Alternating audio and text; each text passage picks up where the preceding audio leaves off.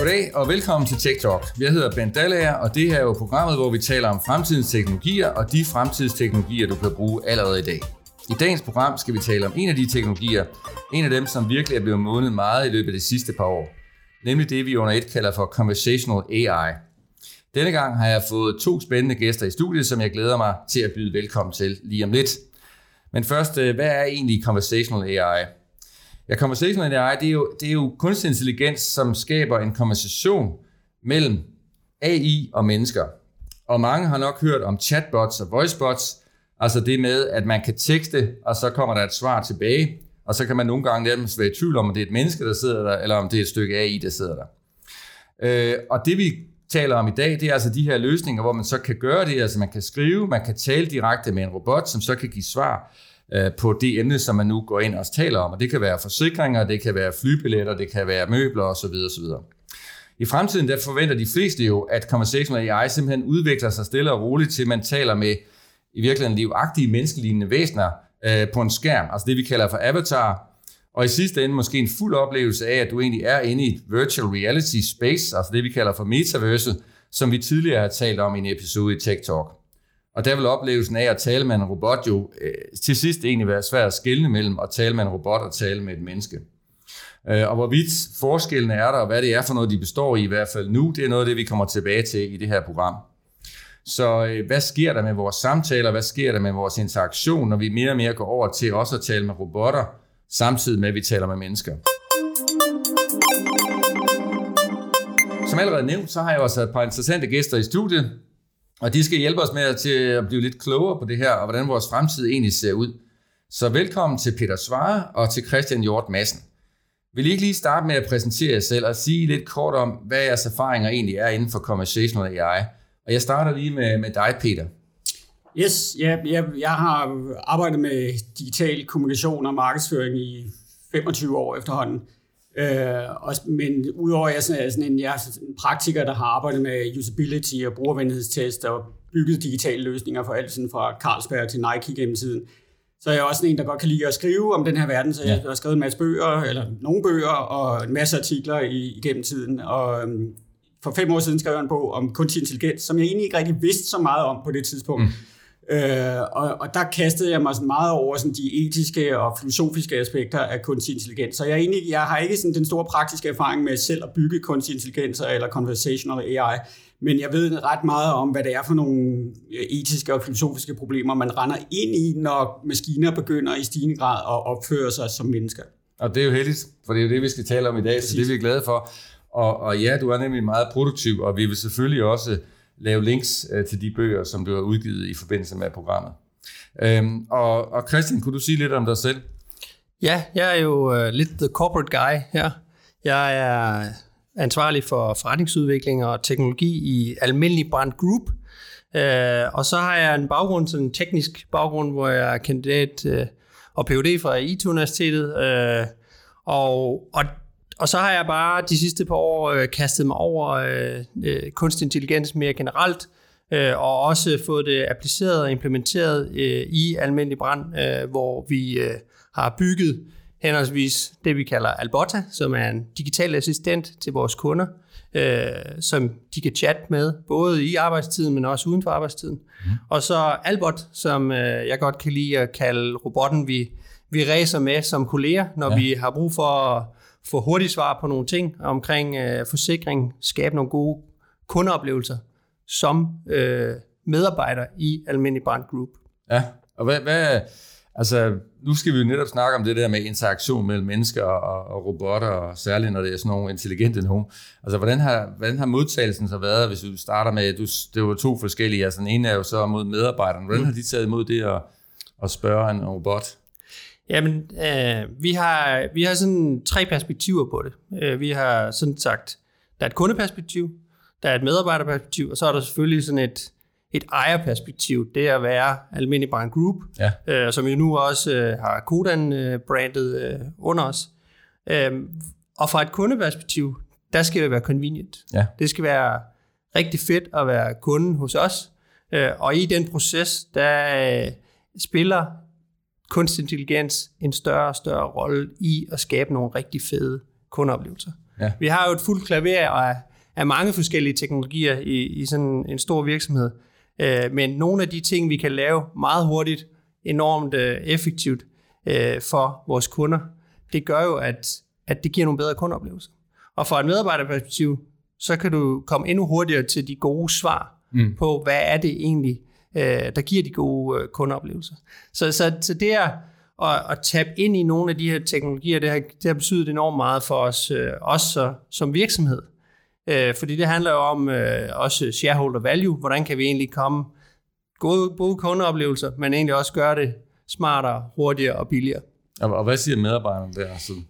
De er rigtig glade. Altså, jeg tror, der er øh, stadigvæk en gruppe af medarbejdere, der bruger øh, Albert, som øh, den digitale assistent hedder på indersiden, øh, udelukkende. Ja. Øh, ikke bruger andre øh, teknologier. De gider ikke ringe øh, til kollegerne og spørge om, hvad, hvad, det hvordan det der husforsikring dækker. øh, men, men der er også nogen, som, hvor det er en barriere. Ja. Hvor det er klart, at, at de, de synes, den back-office medarbejder, der normalt kan svare på, hvordan mm. øh, husforsikringen dækker, eller hvad, hvad, hvad man skal sige, når kunden spørger om et eller andet til bilforsikringen. Der vil de gerne snakke med nogen øh, med, ja. i, i kød og blod. Og, og, og det er jo en, en transformation for os. Øh, og det handler om at gøre den relevant hele tiden. Ja, at det faktisk er bedre. Ja. Og du bliver endnu bedre i din øh, kundeinteraktioner, bedre til dit job, og det bliver sjovere.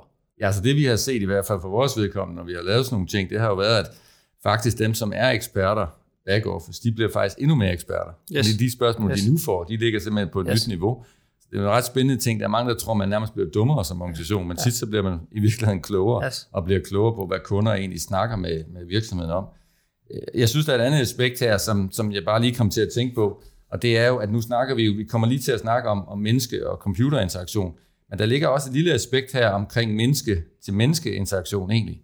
Altså vi kan jo se, fordi vi laver nogle statistikker, så kan vi se, hvis du er generation X, eller hvis du er sådan over 35, 40, jamen så har du faktisk hovedparten af din kommunikation, den foregår via e-mails og via telefon. Mm. Men hvis du er under 30 i generation Z, så er det 78 procent, som ikke foregår ved hjælp af det. Det er faktisk hovedpart af det tekst-chatting. Selv hvis du kunne ringe, så tekster man det, har, det, det, det kommer jeg bare til at tænke på. Altså, er der nogen, der tænker på, nej, nah, men det her det handler egentlig om, at det bliver sådan lidt kunstigt at sidde og tekste, men det er desværre sådan lidt, der, der skal man sige hello boomer til sig selv.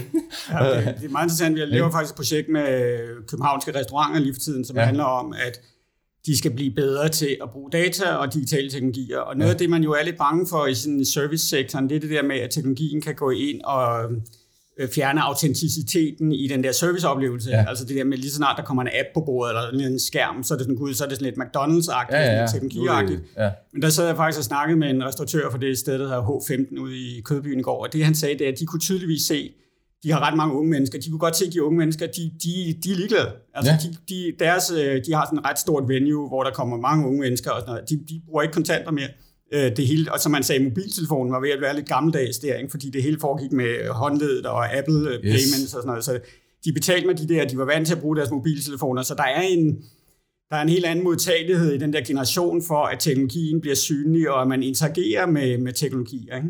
Jo, og det, og det er det, der er lidt spændende, ikke? fordi man, man ser jo sådan nogen, der ligesom går ud og siger, uha, man skal ikke, man skal ikke have med chatbotter at gøre, men i virkeligheden så, så er sagen, at vi kommer bare til at gøre mere og mere af det, der handler om tekst, også bare mellem mennesker. Jeg vil sige, at vi kan ikke, vi kan ikke se en klar differentiering på, på Albotta, som vores digitale assistent hedder, mm. øh, som, som du kan bruge lørdag og søndag, hvor vi øh, ikke altid har åben. Ja. Der kan vi ikke se klart, at det er kun de unge kunder, mm. Eller de ældre. Der, altså det er, vi har faktisk både lavet nogle stikprøver på, ligesom, hvad, hvad er det for nogle kunder, der ligesom sidder ja, og chatter ja, med, ja. med Alberta og spørger ja. til, øh, er dækket det ene og det andet og det tredje. Og, øh, og, og det er ikke entydigt. Altså, det kan godt være den 60-årige, ja, ja. der ligesom synes, ja. det er utrolig irriterende, at vi ikke lige har åbent på, og måske gerne vil ringe, og så chatter hun bare. Men det, og det er jo også et andet aspekt, som man jo også har set gennem tiden sådan på internettet, det der med, at de, mange af de ældre var sådan uvante ved internettet og skærmene, mm. og, og det var også nogle underlige clunky interfaces. Men jeg, jeg var med til at lave Danske Banks første interface på mm. Danske Banks første netbank. Ikke? Ja. Det var, altså, lad os bare sige, virkelig, virkelig dårligt. Ikke? Altså, og man skulle, man skulle helst være, have sådan en ingeniøruddannelse for at forstå, hvordan det fungerede. Og det er jo klart, der var mange ældre mennesker, der stod af det der, fordi de forstod slet ikke det der. Og så kom der jo pludselig iPads, og en helt anden sådan, usability-tradition. Og, og jeg så sådan, øh, altså mine forældre begyndte jo at bruge iPads på en helt anden måde. De tog den der nye teknologi ja. til sig. Og i dag er det jo, altså iPads, det, det tror jeg er gamle mennesker og, og, helt, og børn, der bruger, bruger det, og dem også midt imellem, der bruger computer, ikke? Mm. Øh, og, og jeg tror, det er lidt det samme, man kan se med conversational AIs, fordi det er jo i virkeligheden også en måde at fjerne det der sådan lidt underlige interface, og prøve at gøre interfacet sådan lidt mere menneskeligt. Ja. Men det, det er helt rigtigt, og det, er, og, det er, og det er et meget interessant aspekt i det hele taget, at, at der har været sådan en, en tendens, nu sidder jeg jo også, øh, kan man sige, som formand for digitaliseringsudvalget i IT-branchen, og det er sådan lidt, så sådan en tendens, at sige, at men vi skal jo sørge for, at du bliver mere og mere tech-savvy. Altså det, det skal man ligesom være i future generations. Mm. Men, men det, som jeg siger ret tit, jeg ved ikke, hvad I mener om det, men det er, det skal du egentlig ikke. Altså hvis du kigger på, hvor tech-savvy du skulle være øh, for mange år siden for at lave en reservation, hvis du arbejder med, med at booke fly, det var jo helt vildt tech-savvy, du faktisk skulle være. Du skulle huske koder og alt muligt, ikke? Og, og det bliver bare mindre og mindre tech-savvy. Nu er det altså bare sådan, som du lige sagde før, hvis du skal lave en betaling, hvad kræver det af viden om teknologi? Ja, det kræver, at du kan dreje dit håndled ned mod en, du ved, ned mod en, en automat, og that's it. Og tilsvarende, ja, min gamle mor, som så uheldigvis er død nu, men, men hun, hun nåede aldrig at, at, at, at, at ligesom kunne bruge en mobiltelefon.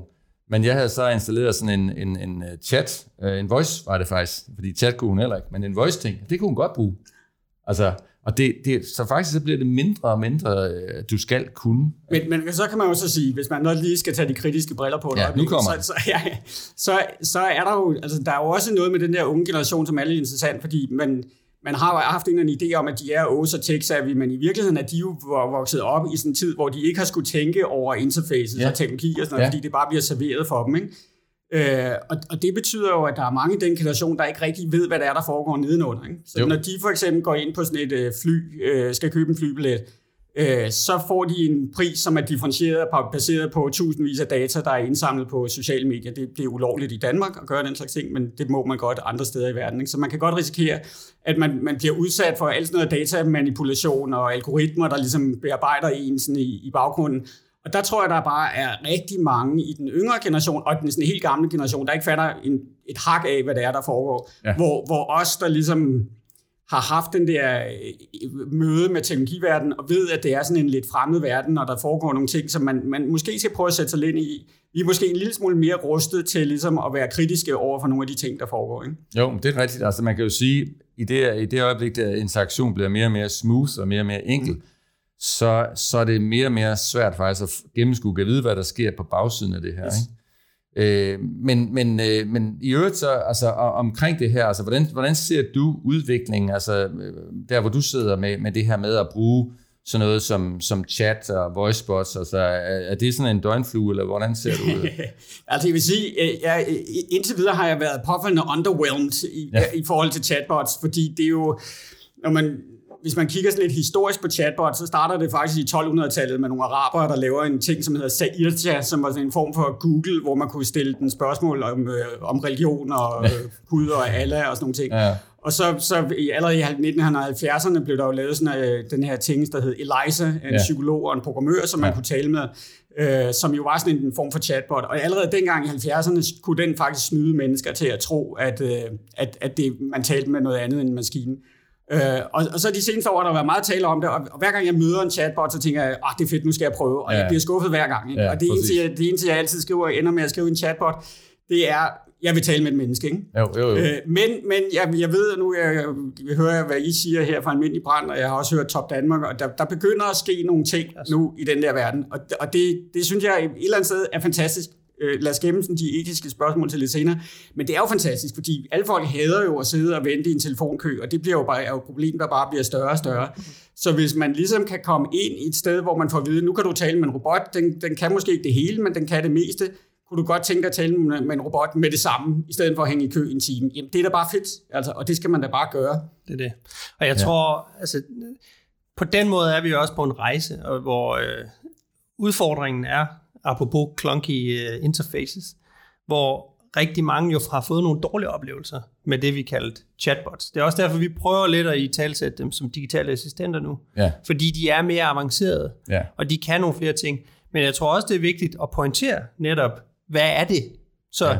Så, så, så når du øh, kommer ind på vores hjemmeside, og, og, og chatten popper op, eller i appen, øh, at, at du bliver spurgt, om du vil øh, have en diskussion eller tale med os, mm. så, så gør vi noget ud af at sige, at det er en digital assistent, Ja. som ikke kan svare på alting, Ja. og som forhørt ikke skal fortælle om øh, personen, øh, dataoplysninger og sådan Ja, ja, noget ja. øh, direkte ude på øh, Ja. World Wide Web.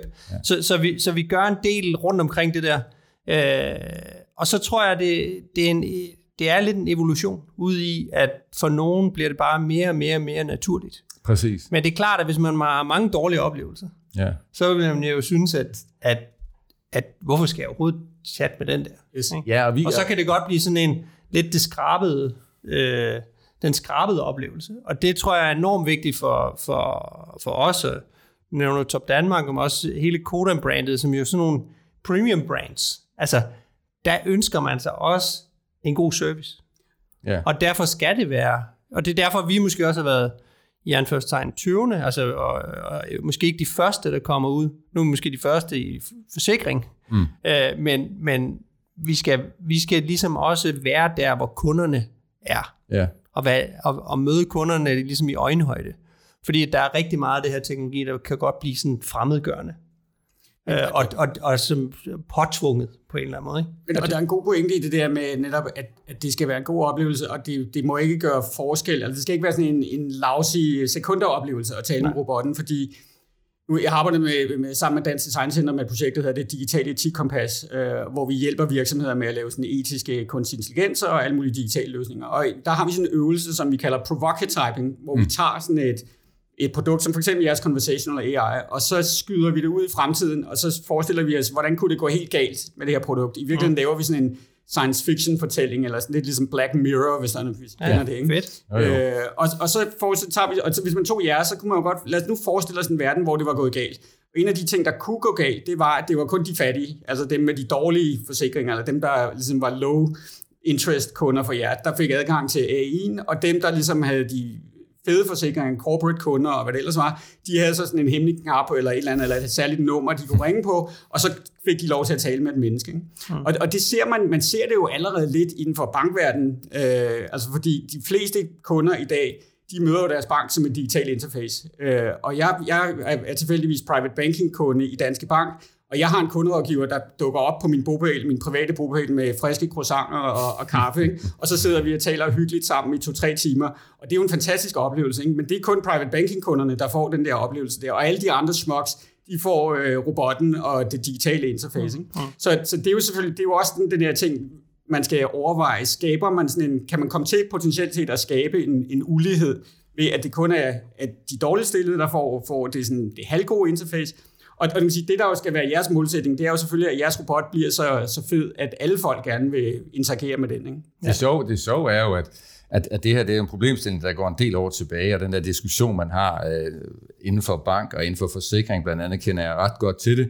Øh, og, øh, og der har man haft den der idé om, ah, men vi skal jo sørge for, at vi ligesom kigger på, hvad, hvad er de der, der er high value kunder, og hvad er dem, som er mere low value, og nu giver vi low value digitale tjenester, og high value, dem giver vi så personlig betjening. Og når man så laver undersøgelser, hvor du så går ud og, og bruger rigtig meget tid på at, at, at finde ud af, hvad er kundepræferencerne, så er de stik modsat. Det er faktisk sådan, at, at langt de fleste high-value kunder, de ønsker en digital øh, interaktion. De ønsker at kunne anvende alle mulige digitale værktøjer. Og low-value kunderne, de er, de er dem, som er allermest for at have den personlige, øh, et personlige interface, gå ind til banken, snakke med en rådgiver. Og det, øh, du ved, jeg har haft nogle af de der diskussioner, hvor de får grå hår i hovedet, fordi det er sådan, jamen, hvad, snakker vi om her? Det vil så sige, at at, at det, der i princippet er vores billigste kommunikationsform, den skal vi så give til vores bedste kunder, og den dyreste til de billigste. Der er et eller andet, der ikke rimer. Jeg må bare sige, det er sådan, at rigtig mange kunderne har det. Så jeg, jeg tror, personligt tror jeg på, nu når vi kigger ind i fremtiden, jeg tror jo på, at det, den kunstig intelligens skal gøre mere og mere, den bliver mere og mere personlig. Den bliver mere og mere i stand til at, at single den enkelte person ud og give rådgivning lige præcis til den person i den situation, han er i. Hvor mennesket er jo desværre lidt kognitivt begrænset og vil have issues med overhovedet at følge med. Så jeg tror, jeg tror på, på sigt, der tror jeg, det bliver, der, der, der bliver det svært for, for, for mennesket at holde. Altså virkelig, når du har for eksempel high value, uh, nu får du croissanter og kaffe der, så bliver det svært for den person at være helt up to speed. Men det man jo så kan gøre, det er, at man kan jo så sådan augmente man kan jo augmente den her person, og det tror jeg måske lidt på. Det, det, det er jo øh, en af mine øh, kæpheste. Ja. Det, lige det sidste der. Altså jeg tror, øh, apropos øh, bankrådgiveren, men også forsikringsrådgiveren, jeg vil, jeg vil have, at hun, han, er enabled med teknologi. Ja, Jeg vil have, at øh, der sidder en robot og sørger for, at vi øh, får de absolut bedste rådgivning omkring investeringsprodukter, eller øh, hvad er det for en forsikring, den her virksomhed ligesom skal vælge. ja, Og det, det er jo der, hvor vi bruger det her Albert. Altså Ja, Albert ja. Som, en, som en robot, der sidder ved siden af øh, kunderådgiverne, og ligesom kan, kan svare hurtigt ja. og effektivt på noget, som vi måske ellers ville have sagt, det skal jeg lige spørge en kollega om. Men, Så får du den der hurtige, og du får nogle, nogle, nogle gode spørgsmål. Og der tror jeg, det der race med robotterne, mm. det tror jeg bliver helt naturligt. Altså på ja. mange måder er det jo allerede naturligt for os. Og specielt måske en generation, øh, der kommer, hvor du ved, du har øh, telefonen, uret på dig, som du racer med hele tiden, uanset. Men selv, selv med den augmented rådgiver har du samme problematik, ikke? fordi simpelthen så får min private banking rådgiver bare en AI, det har hun jo allerede, kan man sige. Hun har jo allerede alle mulige modeller, hun, også som jo er AI-baseret, eller algoritmisk baseret på en eller anden måde, så hun er jo allerede augmenteret, kan man sige, men, men pointen er jo, at der vil stadig være nogle low-value kunder, som slet ikke får mennesket, ikke? så de får kun maskinen.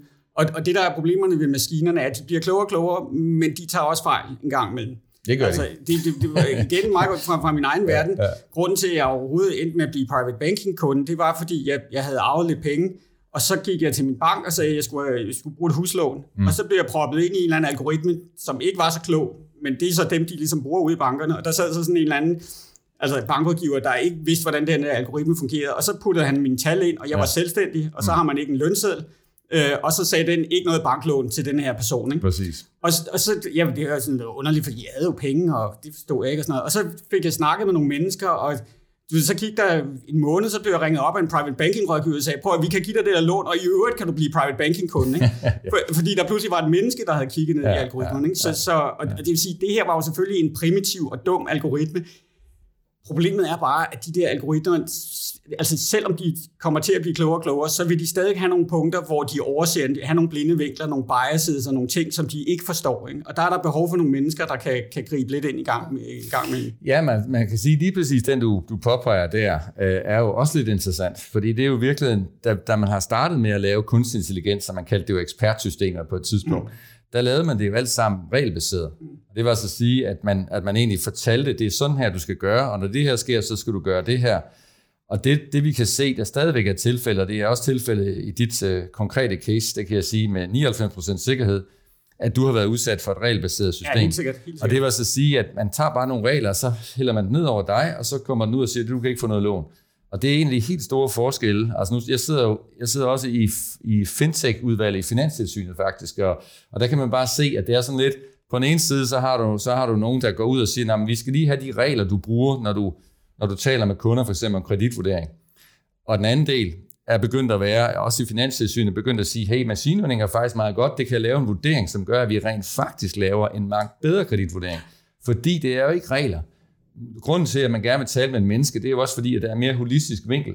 Vedkommende kan tage kan flere ting i betragtning, og på den måde give en væsentlig bedre rådgivning. Det, det, det er faktisk et af de issues, der er lige nu, det er, at der er sådan en barriere, hvor at, nej, men hvis vi ikke har en regel, som siger, at det er X eller Y, jamen så kan vi slet ikke bruge det her. Og problemet er, at det er faktisk lidt om, omvendt. Hvis vi kun bruger regler, så kan vi ikke rigtig bruge det. Så er der simpelthen for mange fejl. Men det er en utrolig spændende også, hvad kan man sige, etisk diskussion også, hvor, hvor meget regulerer du det her? Ja. Fordi at jeg synes jo på mange måder, at vi skal kunne svare på, som, som finansvirksomhed, på hvorfor får vedkommende X, Y, Z Ja. rådgivning. Men, og det, Og det er enormt også- vigtigt. Og det, Ja. ja. det, det, det bliver, altså jeg synes, der er både noget regulatorisk, men også noget meget etisk i, du ved, det, det, vil, det vil jeg insistere på. Og derfor så, så jeg tror noget af det, en anden kæphest, jeg har, det er jo det der med de der, vi kalder dem AI-trainers. Altså Ja. de her AI-trainers, hvordan er det, at de arbejder effektivt både med kundefeedback, men i høj grad også med, hvad er det egentlig, vi vil som virksomhed? Ja. Og jeg tror, der er nogle af de der aspekter, hvor, hvor der kan man godt blive så teknologi øh, øh, at man lidt glemmer de etiske aspekter af, hvor, hvor langt kan vi drive det her? Ja. Fordi vi kan virkelig drive det langt.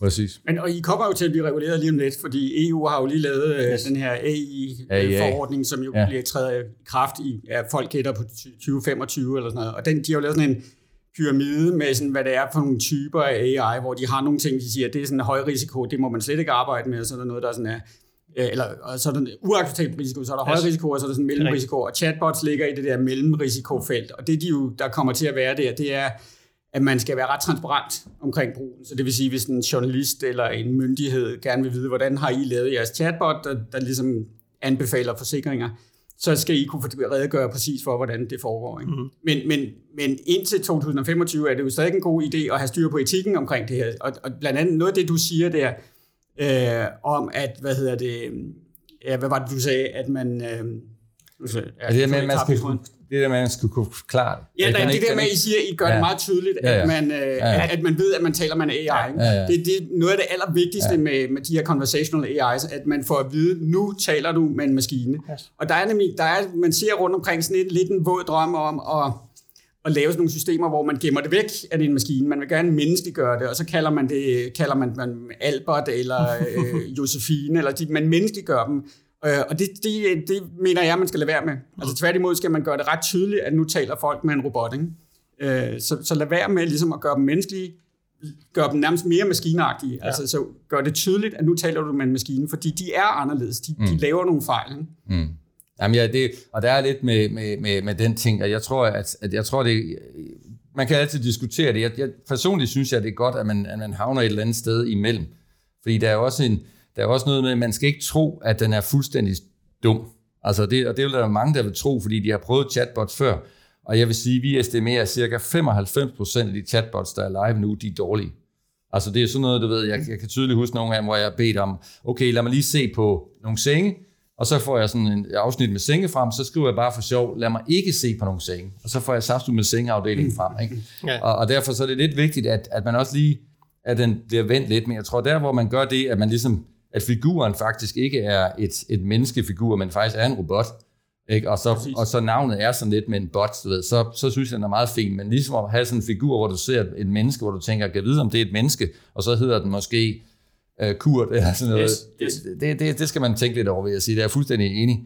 Og, og, og hvis vi nu kigger lidt frem, for jeg tænker, vi skal også lige, uh, vi skal også lige nå at kigge lidt frem her på... Uh, uh, det er en god snak. Det er, ja, man, ja, det er en rigtig god snak ja. faktisk. Det er virkelig godt. Og, og, og I er jo begge to meget vidne om det her, må man nok sige. Derfor tænker jeg, hvis vi nu kigger lidt længere frem, altså, hvor er det, vi så går hen? Altså, kommer vi til at... Øh, altså kommer vi til at se de her, nu der er jo, der er jo sådan lidt snak om det her med avatar, øh, og meget apropos nu at snakke om generationer, vi ved jo godt, at dem, som er noget yngre end os, de har jo ingen problemer med at træde ind i alle mulige avatarer og spille uh, games, hvor de hele tiden skifter skins, som de kalder det. Men, men kommer vi også til at se det, altså som, uh, som almindelige forbrugere, at, at vi taler måske med, en, med et digitalt menneske? Er det noget, som, uh, som man kan se for sig? Hvad siger du? Jamen, altså du siger jo til med, med computerspil, og der ser man det jo allerede, når, når man spiller et computerspil, så interagerer man jo med avatarer. Ja. Altså nogle gange spiller man mod andre mennesker, ja. men ofte så spiller man måske mod et monster, som er styret af en kunstig intelligens. Ja, ja. Så det er jo allerede avatarer, og jeg tror ret meget på det der altså det, hele det der metavers, at det skal tænkes ret kontekstuelt. Altså så hvis du er computerspiller, ja. så interagerer du med en avatar i ja. computerspillet. Hvis ja. du uh, kan lide at bygge med Lego-klodser eller klodser, så er du i Minecraft, som ja. mine børn er. Ja. Og så interagerer du måske med en avatar der. Ja. Og, men den der sådan um, underlige Mark Zuckerberg-idé om, at der er sådan et metavers, hvor man går ind bare for at være der, mm. eller for at møde sit forsikringsselskab. Altså jeg, jeg, jeg, jeg ser det ikke rigtigt for mig.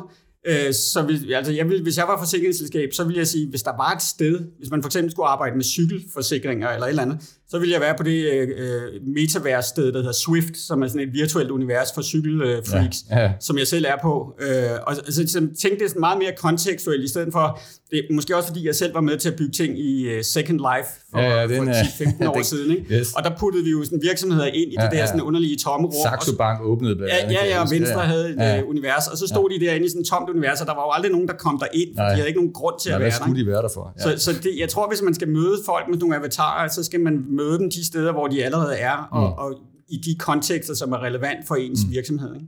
Men, hvad, men, jeg, synes, men, det, jeg synes, det er virkelig god pointe. Ja. Altså, jeg tror, det handler enormt meget om at være i øjenhøjde med vores kunder.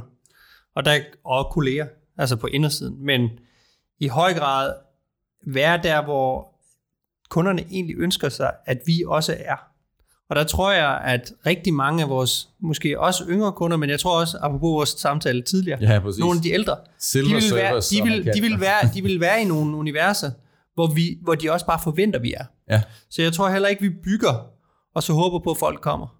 Vi tror, vi vil prøve at, at, at, at være i øjenhøjde på det her.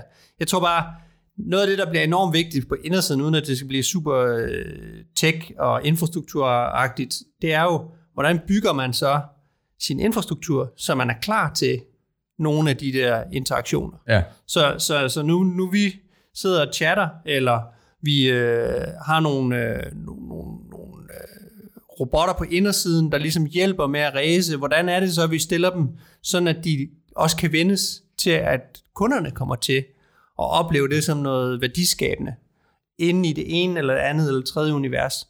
Og så bliver det måske mindre vigtigt, hvor er det, du egentlig har den der forsikring fra. Men Ja. du er bare forsikret.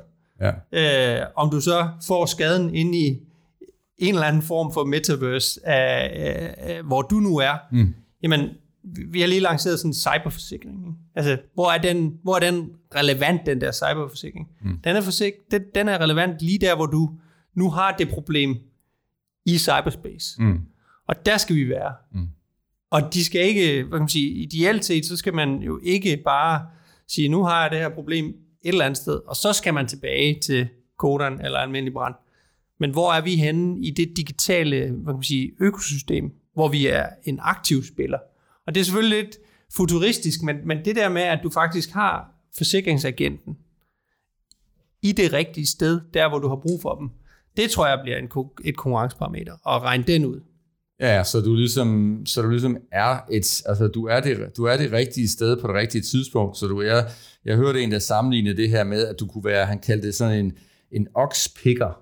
Det er sådan en fugl, der, der hjælper næsehorn. Så den hele tiden tager, så tager den hele tiden nogle, øh, kan man sige, midler og ting ud af øh, kød på den, plus at den sørger for, at hvis der er nogle krybskytter og ting og sager, så giver den sådan nogle særlige skrig. Ikke? Meget smart. Og som han sagde, du skal være en okspikker, du skal ikke være en flue. Hmm. Fordi fluen er der også hele tiden, men den er bare til besvær, og den er, den, det er sådan en, man vil vifte væk hele tiden, hvor den anden mærker næsehornet ikke. Men når næsehornet har brug for den, så er den der. Og det er jo sådan lidt det drømmen for et hvert selskab, tænker jeg. Og måske bare lige en, en detalje omkring den der med Avatar, fordi nu rører vi med det samme ind i Metaspace, men vi kunne faktisk, altså Metaverse, men vi kunne faktisk bare være i det almindelige. Under coronaen, der har der været rigtig meget med video- og teamsmøder, og det er jo der, hvor man, hvor man ligesom siger, hov, nu har du pludselig nogen, der bliver meget vendet til, at du egentlig går på Teams og ser nogen. Og der ser vi jo så nogle AI-firmaer, som så bygger avatar, som så er menneskelige, som du faktisk kunne tale med, som om, at vedkommende var der. Og det er jo den, som, som kan være lidt interessant. Og nu nævnte det med infrastrukturen. Der kan vi se, fordi vi havde så en, lavet et projekt for nogen, som er meget langt fremme på det her øh, plan, og- der diskuterede vi så deres infrastruktur som en del af faktisk det AA-review, øh, by the way. Øhm, og så sagde de, hov, vi har egentlig ikke lige taget højde for, at vi måske også skal have, have videodata. Mm. Altså, du ved, de, de har egentlig indtil videre jo tænkt, kan man sige, i, i de data, man normalt tænker i, men lige pludselig så snakker vi videodata som noget, der nok også skulle være en del af infrastrukturen. Så det, er- der, der skal... Jeg er nødt til at tænke, altså som virksomhed i hvert fald, tænke enormt langt frem Ja, på de her teknologier, hvis man skal være der, når ja. de kommer. Men jeg tror bare, i forhold til kundemødet, skal man passe på, at man ikke rammer kunderne for tidligt med noget for mm. umodent og dårlig teknologi. ja Og det tror jeg bliver, det bliver sådan, altså det, tror- det, apropos Mark Zuckerberg i øjeblikket, ikke? Jo. Altså han er ligesom, han er lidt for langt frem. Og det er jo det, han får, altså, han tager alle testene for alle andre. Og, og måske også lidt i den forkerte retning. Ikke? Jo. Altså han, han er, det, hans drøm er sådan lidt second life-agtig, og det er som om, der har vi været. Ikke? Mm. Og, og der findes jo faktisk nogle vilde metaverses derude, som jo fungerer i bedste velgående. Ikke? Det, store, store udfordring, det er jo lidt det, du taler om, det er, hvordan får man bundet de der ting sammen. Hvis I laver en, en robot, der kan tale med folk, hvordan får I den til at fungere i World of Warcraft og Swift yes. Og alle de her universer sådan på tværs. Det, det, det tror jeg, og det der er nogle mennesker, der arbejder med, det er jo hele det der, der hedder Web3. Præcis. Øh, og det, det jo Ja. ret spændende, hvad der kommer ud af det. Jeg har lige købt, øh, jeg har lige købt den her, det her ekstremt dyre svær ikke, i World of Warcraft. Vist. Og nu er jeg faktisk godt lige forsikret det, fordi hvis ikke her, jeg mister det. Ikke, det bliver lootet, det kommer en del af et loot, som de kalder det. Så der, der er jo ret spændende øh, perspektiver den vej rundt. Øhm, men jeg tror, at øh, jeg tror egentlig, at jeg vil sige, jeg vil sige tak. Tiden den er løbet rigtig, rigtig hurtigt. Og jeg vil sige uh, mange tak for en, en, en, en god samtale med, med begge to. Uh, Peter, uh, som jo er forfatter og foredragsholder med speciale i de her nye teknologier, og også til dig, Christian Hjort Madsen, som er forretningsudviklingsdirektør i Almindelig Brand Group. Uh, det har været en fornøjelse. Tak. Men før vi siger helt farvel og tak, så skal vi lige give lytterne vores øh, sædvanlige skæve anbefalinger. Som I ved, så er det jo det her med, at det kan være en film, det kan være en bog, øh, det, kan være, øh, det kan også være faglitteratur, det kan være ting, som man lige, som man lige er kommet over, det kan være en video, øh, som, som ligesom giver et aspekt på det her. Og i det her tilfælde, Conversational I, så må jeg sige, at der er jo utrolig mange øh, film, som, som har med, med det her at gøre. En af dem, som jeg synes øh, giver et rigtig godt aspekt på det, selvom den faktisk er gammel, vil man sige i dag, det er altså filmen Her, øhm, altså HER, som jeg kan anbefale. Øhm, Scarlett Johansson spiller i øvrigt, øh, kan man sige, den øh, spiller chatbotten, øh, så det er jo ikke alle, der har en sådan chatbot.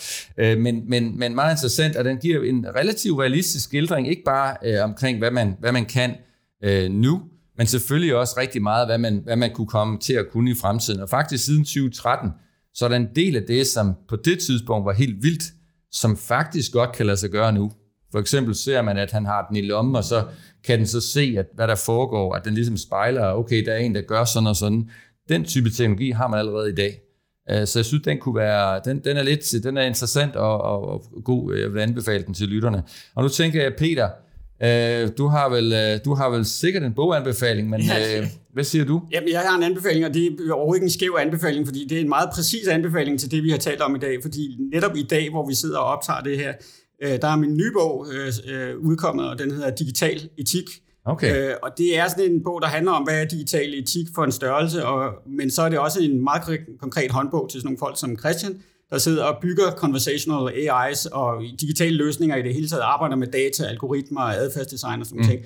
Så det er sådan en håndbog, der, der ligesom øh, nærmest skridt for skridt og med en masse praktiske øvelser kan fortælle dig, hvordan bygger du øh, etiske digitale løsninger. Okay, perfekt. Er den også, kommer der også lidt omkring AI? Nu er det jo lige kommet, så jeg har jo yes. grund ikke læst den. Men øh, kommer der også lidt omkring AI og nogle af de her regulativer, eller hvordan? Den taler en lille smule om, om uh, regulering, men den, han, det er helt klart det etiske, så den har jo sådan en forretningsmæssigt fokus, som handler om, at du skal gøre det her, fordi dine produkter bliver bedre, ja. du tjener flere penge, du tiltrækker bedre medarbejdere, dine investorer kommer til at kunne lide det, så den er sådan ret forretningsorienteret på den måde, ja. og, og siger ligesom, at det, det kan faktisk betale sig at, at være etisk som, som virksomhed. Ja, det er, det er, det er jo det, det gode budskab, som jo faktisk også er rigtigt. Ja, det, ja, det, er jo det, det, er det gode ved det. Vi, vi går hjem og bestiller 50 eksemplarer. Ja. Det synes jeg, du skal gøre. Så er vi i gang. Det kom, øh, det kom fra, fra Christian. Og Christian, har du øh, en anden ting, hvor du tænker... Jamen apropos vores samtale også tidligere, jeg er enormt optaget af, at øh, flere og flere forstår den underliggende teknologi. Øh, jeg underviser... Øh, hver onsdag går jeg faktisk tidligt hjem fra arbejde og underviser børn i, øh, i det, der hedder Coding Pirates. Mm, yeah. øh, og der arbejder vi også, leger med du ved, DALI og forskellige algoritmer, som øh, de kan ligesom forstå, hvad er der, der ligger nedenunder. Og, øh, og, og, og hvis jeg skulle komme med en anbefaling, så vil jeg komme med en anbefaling også til nogle af dem, som måske er mindre interesseret i teknologier eller går til Coding Pirates. Det, det, det er Westworld. Ja, altså ja. Øh, serien Westworld, fordi at øh, den har jeg set sammen med min hustru. Ja. Hun synes, den var utrolig interessant. Og ja. hun lærte enormt meget om, hvad er det egentlig, eller jeg ved ikke, om hun vil sige, hun har lært noget, men, men hun har implicit lært, mm. hvad er det, øh, avatars, og øh, den fremtid, vi måske, måske bliver det ikke helt som Westworld, men øh, en eller anden version af det, hvordan kommer det til at se ud? Og det at begynde at danne sig nogle billeder af, hvordan den fremtid kommer til at se ud, det tror jeg bliver enormt vigtigt, både for at kunne tale øh, med øh, omkring, øh, hvad ønsker vi os, og hvad ønsker vi os ikke, fra et etisk perspektiv. Men også, hvad for nogle forretningsmæssige muligheder giver det os. Ja. Og det, det tror jeg, alle med fordel kan læne sig ind i. Ja, og Westworld har den lidt sjov ting med det, at den faktisk også begynder at gå ind i nye typer etiske dilemmaer, som jeg tror, vi kommer til at se, nemlig, hvordan ser etikken ud fra robottens perspektiv? Yes, yes. Altså, det er jo så ligesom next level. Yes, yes. Men det kommer vi helt sikkert til at se. Altså vi, øh, det, det må vi tage en anden gang. Ja. Jeg tror, vi, vi slutter her. Og øh, vi når ikke mere i den her episode af Tech Talk. Husk, at du stadig kan finde de første episoder af programmet på Spotify, på Apple eller hvor du nu lytter til podcast. Og du kan også se øh, de første sæsoner som tv-udsendelse på YouTube. Jeg hedder Ben Dallager, og tak fordi I lyttede med til Tech Talk. Og husk, vi er alle interesserede i fremtiden, for det er her, vi skal tilbringe resten af vores liv.